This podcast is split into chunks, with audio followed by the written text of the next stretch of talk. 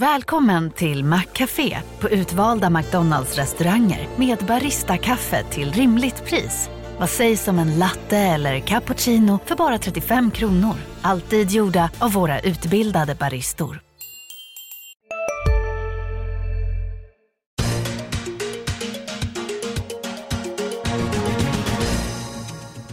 Varmt välkommen till Makrorådet, dagens Industrispodd om de stora ekonomiska frågorna. Viktor Munkhammar heter jag. Gäster idag är Anna Öster, chefsekonom på Länsförsäkringar och Olof Manner, makrochef på Swedbank. Varmt välkomna hit ska ni vara. Tack så mycket. Tack ska du ha. Tack, ska du ha. Tack, tack. Eh, ja, eh, Europeiska centralbanken, ECB, har dragit igång sitt program för eh, sitt QE-program, alltså storskaliga köp av räntepapper. Och det här har haft en betydligt större effekt än vad många hade trott, i alla fall min känsla. Anna, vad, vad säger du? Räntorna har sjunkit kraftigt exempelvis. Ja, nej men det har ju varit eh, fullt fokus på ECB och köpen kan man ju säga.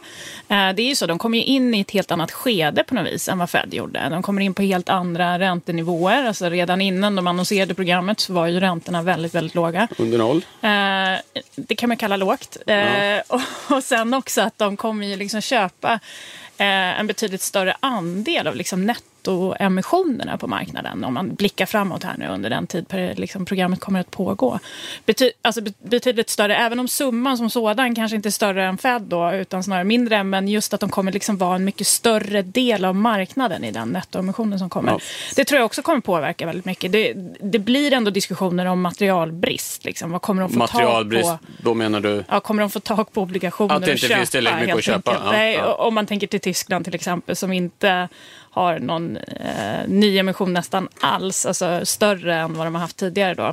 Och så ska de ändå köpa väldigt mycket tyska papper, till exempel då. Så att jag tror att det kommer vara ett annorlunda förlopp kring det här programmet än vad det har varit för För, Fed. för när den amerikanska centralbanken Federal Reserve när de köpte, då var det ju att man såg effekterna när det annonserades och liksom i, in, innan de började. Och sen när det väl hände, då blev det inte så, så mycket action. Är det den här um, materialbristen, Olof, som du ser också som den stora skillnaden? Ja, det, jag hade nog också förväntat mig att eh, eh den här eh, QE-operationen skulle vara mer prissatt i marknaden. Precis som du säger så har vi sett i USA tidigare att räntorna går ner när man annonserar om det och när man väl börjar så att säga så tar marknaden tillfället i akt och ger centralbanken det de vill ha.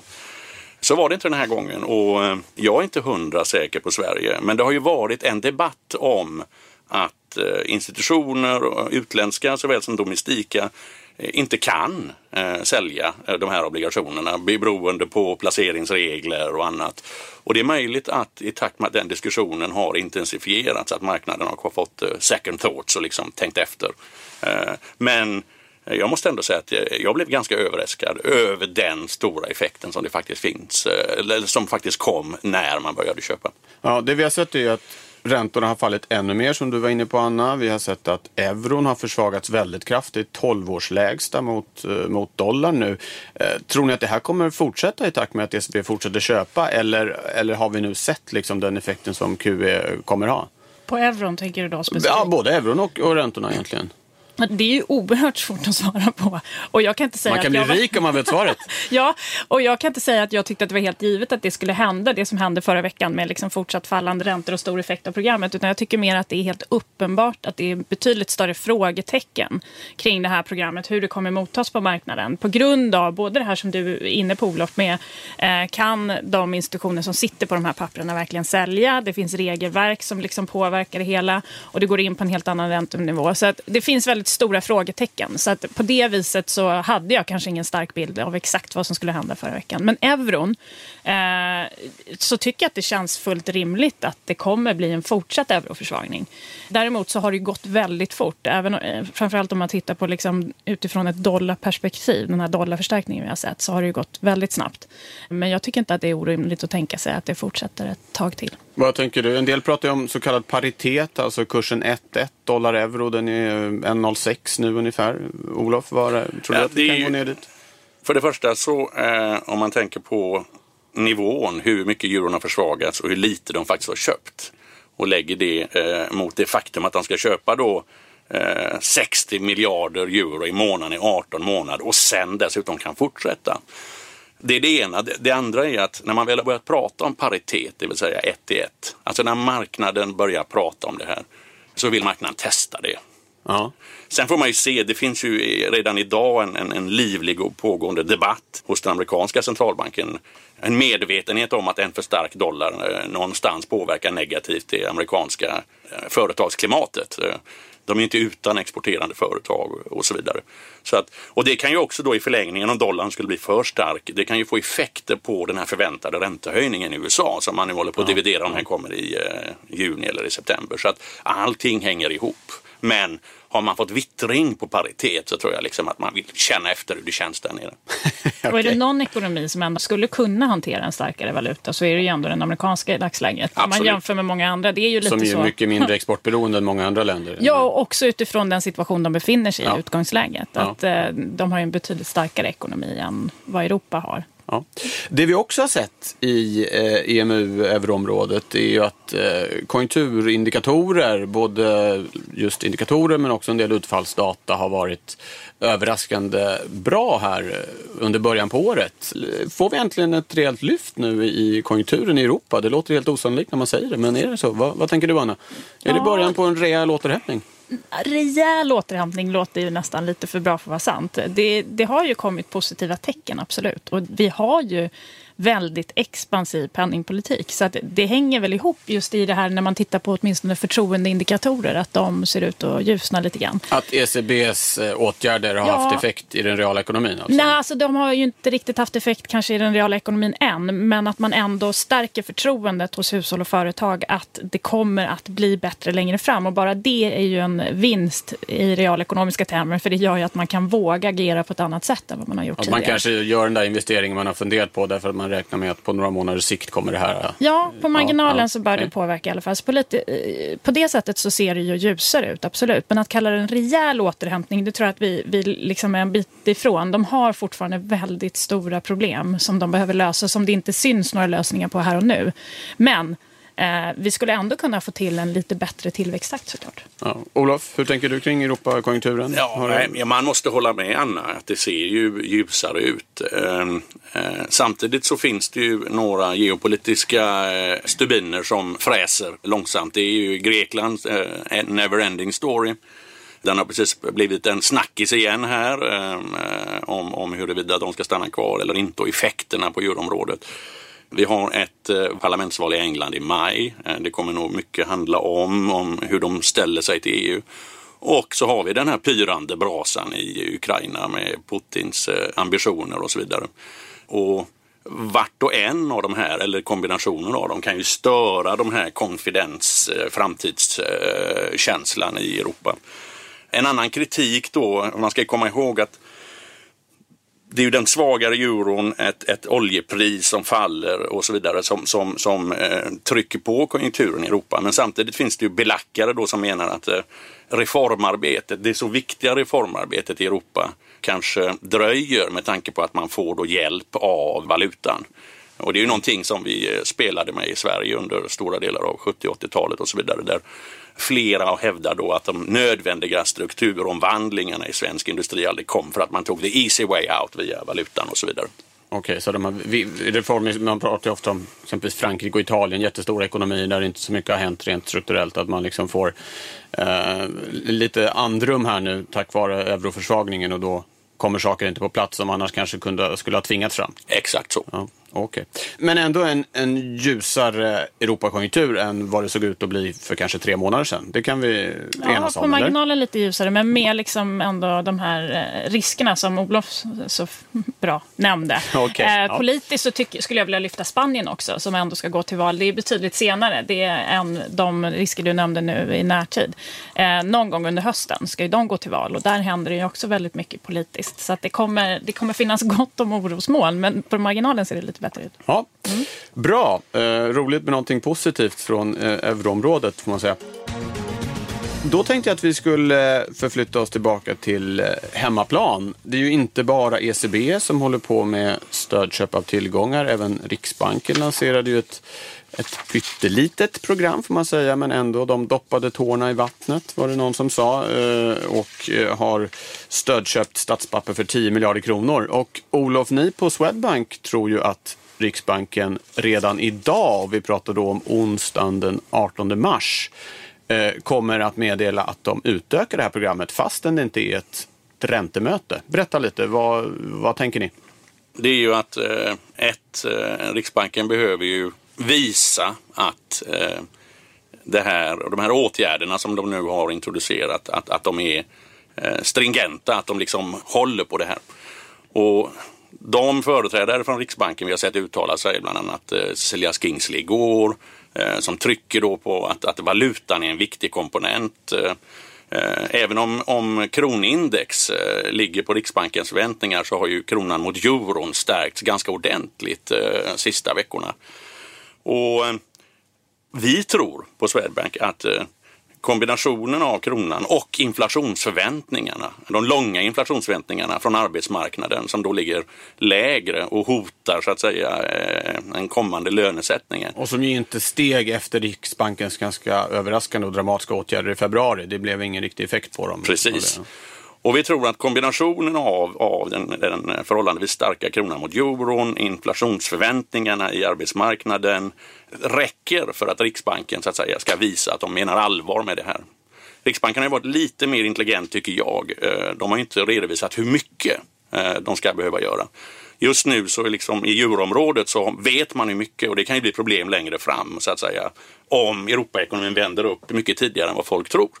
Eh, men Riksbanken har gjort lite smartare så att säga. De har lovat att de ska göra mycket som krävs, men det kanske inte behöver kosta så mycket. De köper ju ändå obligationer på minusränta.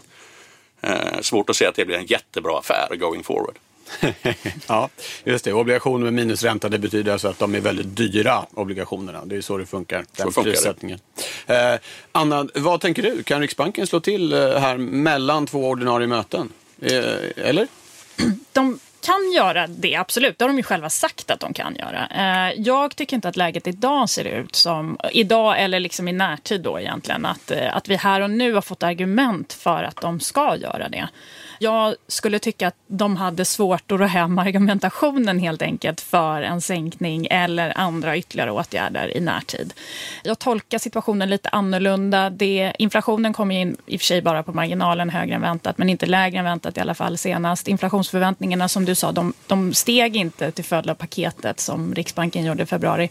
Men de fortsatte inte att falla och det beror väl lite på vad man hade för... Glaset halvfullt eller halvtomt.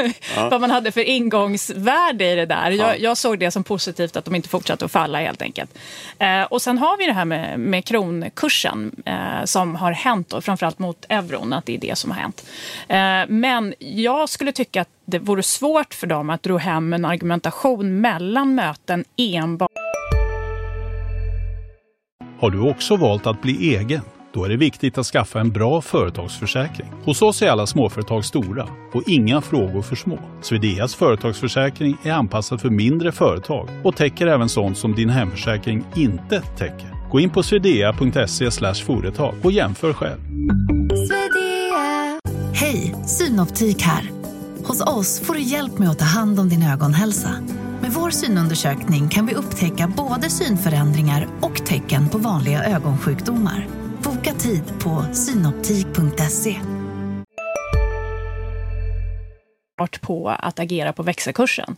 Eh, nu skulle de ju kanske då formuleras annorlunda och ta hjälp av andra. Som sagt, vi kan ju tolka det här med inflationsförväntningar uppenbarligen olika. Det kan ju de också göra. Eh, men jag tycker att det finns eh, för lite kött på benen för att göra en sån här eh, mellanmötesaktion eh, just nu. Det kan just hända nu. mycket, men just nu så nej. Precis, även om det inte händer nu då den 18 mars så är det ju ganska långt till nästa möte. Det är i slutet av april. Absolut. Så det är ju drygt 5-6 veckor dit. Och de har ju sagt, som du sa, Stefan Ingves sa ju tydligt i februari att vi kan komma att agera mellan de ordinarie mötena. Så att det här skulle kunna komma eh, någon gång i mitten ja. av april då kanske istället? Och jag håller med om riktningen. Jag tror också att det kommer komma mer. Jag tycker bara att just nu har vi inte argumentation för att ro hem en sån, ett sånt beslut i närtid. Ja, väldigt kort Olof, om det är så att de slår till redan idag. När kommer de i så fall att eh, meddela det, berätta för marknaden och oss andra? Ja, med tanke på att eh, mötet börjar ett och de hade en ganska diger agenda idag och det här skulle då komma under punken i övrigt får man anta som ligger i slutet. Den är inte annonserad i förväg. Nej, det är den inte. Och, och eh, då tror jag att Riksbanken väljer att annonsera det här efter att det, marknaden har stängt på räntemarknaden. Då. Det skulle bli någon gång efter kvart över fyra i så fall. Då. Men, eh, Eh, det kanske är så att de vill störa marknaden, det har jag varit med om också förut. Men, men jag tror inte det. Det är tillräckligt svårt att ställa priser på obligationsmarknaden med de här puckarna som dyker in hela tiden. Så att jag tror att man lägger eftermarknadsstängning. Ja.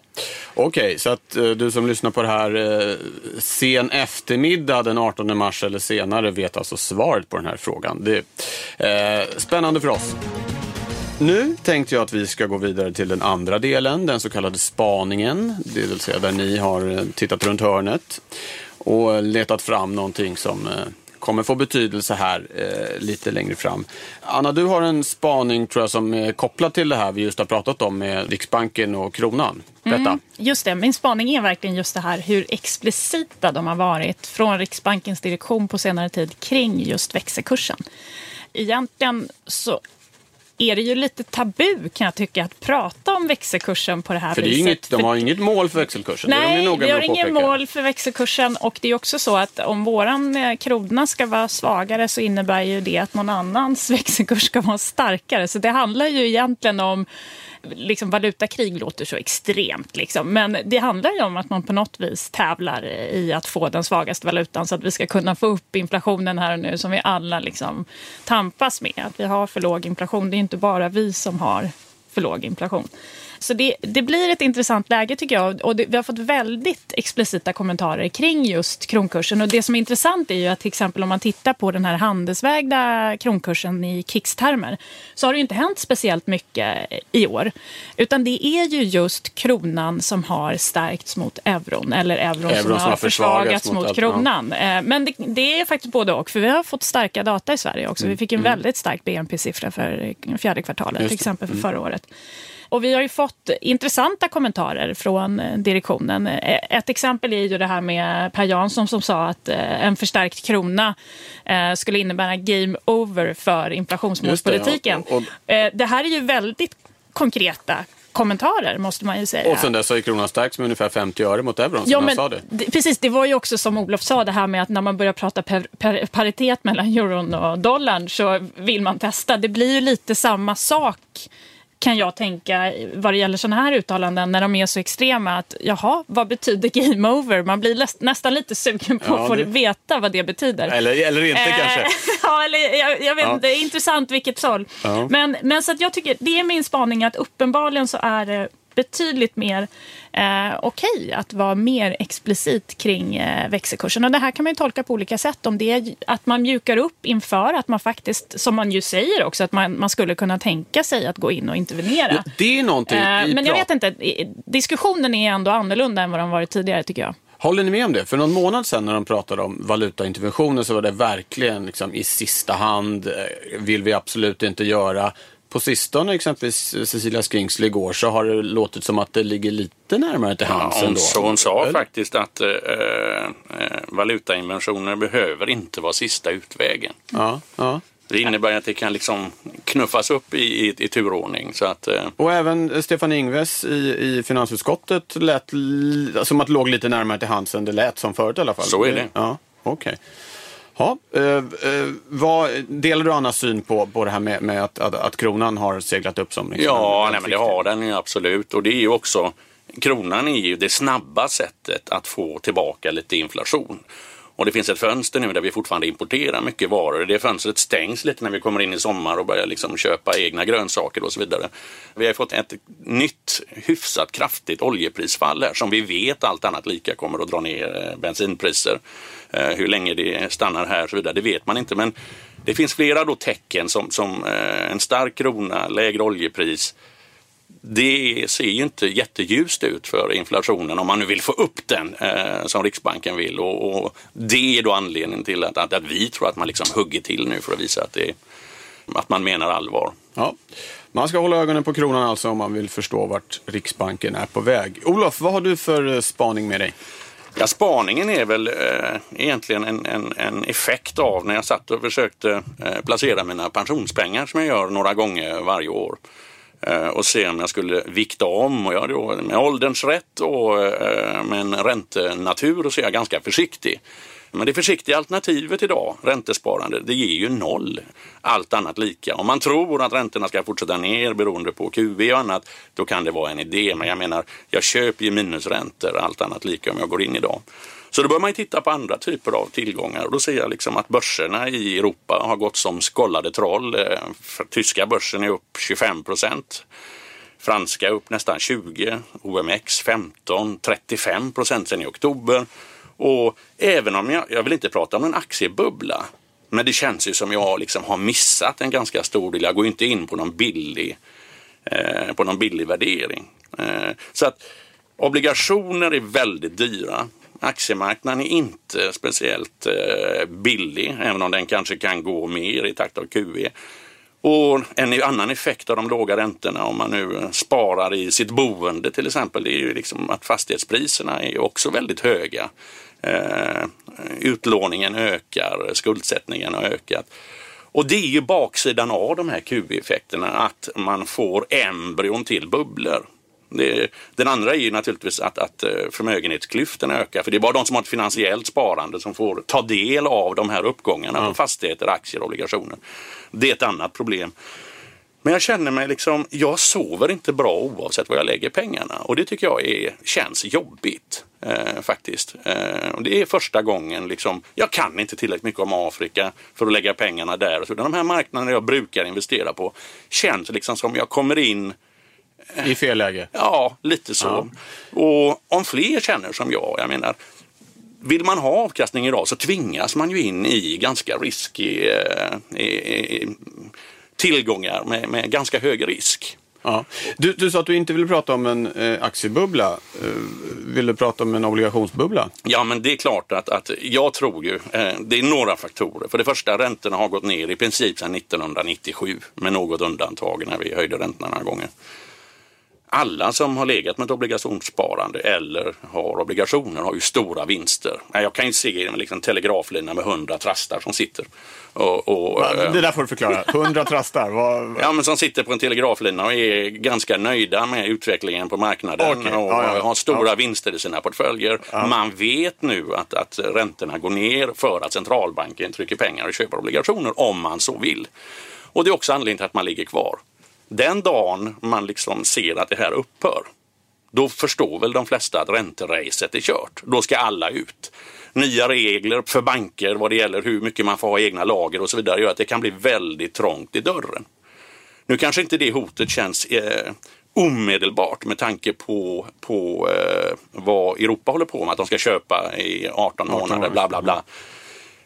Men alla vet om att de egentligen ligger långa obligationer av fel anledning om man nu får uttrycka det så. Det vill säga att centralbanken köper och inte beroende på vad man egentligen känner. Då kan det krävas ganska lite för att störa en sån marknad. Eh, och det behöver inte ske på statsobligationsmarknaden, det kan lika gärna ske på kreditmarknaden till exempel. Och det är väldigt mycket som är skevt som inte liksom hör till vardagen idag. Det är otestat område. Eh, jag vet fortfarande inte riktigt var jag ska lägga pengarna om jag ska vara ärlig. Ja, så kanske en obligationsbubbla? Eller... Ja, den är i varje fall, eh, den är ju mer den ballongen är ju mer uppblåst i alla fall än vad den är på aktiemarknaden. I Europa kan man ju se liksom, att det går bra, eh, och vilket i någon mån kan motivera det här. Men liksom, hastigheten i börsuppgången, den kommer ju inte fortsätta. Det säger ju sig självt att den har gått liksom 25 procent i Tyskland fram till mars. Jag menar, den trenden kommer inte fortsätta. Nej. Anna, vill du, vill, vågar, kan prata om ja, bubbla på? Det var många saker man kunde ja, Men det är ju lite Obligationer och aktier. Jag håller ju med om grundproblematiken och det är inte bara enskilda pensionssparare som sitter i den situationen utan det är ju stora investerare som sitter och tänker exakt likadant. Ja, och de har kanske avkastningskrav på 3-4 procent och ska ha ett eh, obligationssparande som ger noll. Ja. Grattis! Och obligationerna är extremt högt värderade. Börsen är kanske också högt värderad. den känns ju, eh, det känns ju som att det har gått väldigt fort i alla fall. Det är det enda man kan eh, se på det hela. Men å andra sidan så finns alla de här pengarna som kommer ut på marknaden ska hamna någonstans, vilket ju gör precis att jag tänker som Olof att det är förmodligen inte liksom så att det är slut här och nu, men det är ändå så att man man tycker att kanske nivåerna ändå ser eh, höga ut. Eh, jag skulle liksom vilja lyfta den risken du säger då snarare med att eh, eftersom det är väldigt stora pengar förmodligen som sitter och funderar på exakt samma sak. Att man söker ju då avkastning i mer riskfyllda tillgångar, kanske inte börsen är det värsta för där är det ändå otroligt likvitt. Så även om det händer någonting där så... Kan man i alla fall bli av med det? Ja, precis. Och det, det brukar ju studsa tillbaka så småningom om man har en längre placeringshorisont.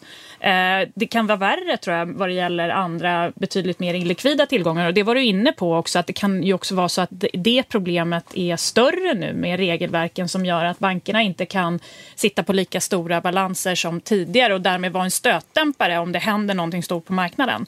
Eh, och det läget har vi ju inte testat eh, förut.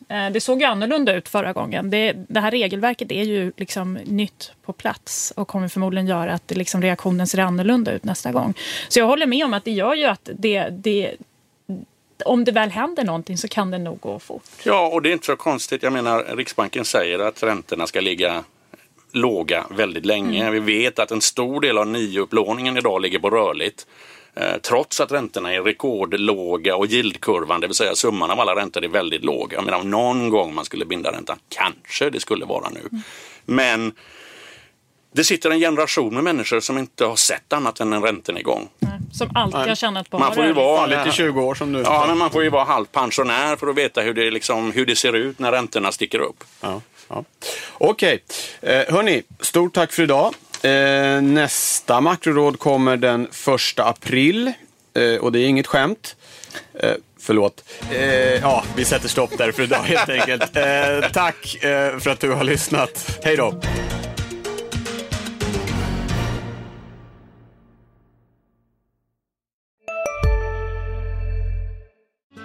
Hej, Susanne Axel här. När du gör som jag och listar dig på en av Krys vårdcentraler får du en fast läkarkontakt som kan din sjukdomshistoria.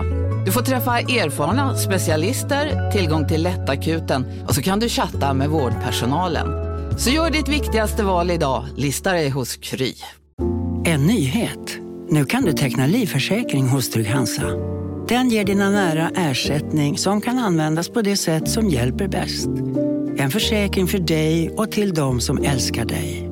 Läs mer och teckna på trygghansa.se. Trygg Hansa. Trygghet för livet.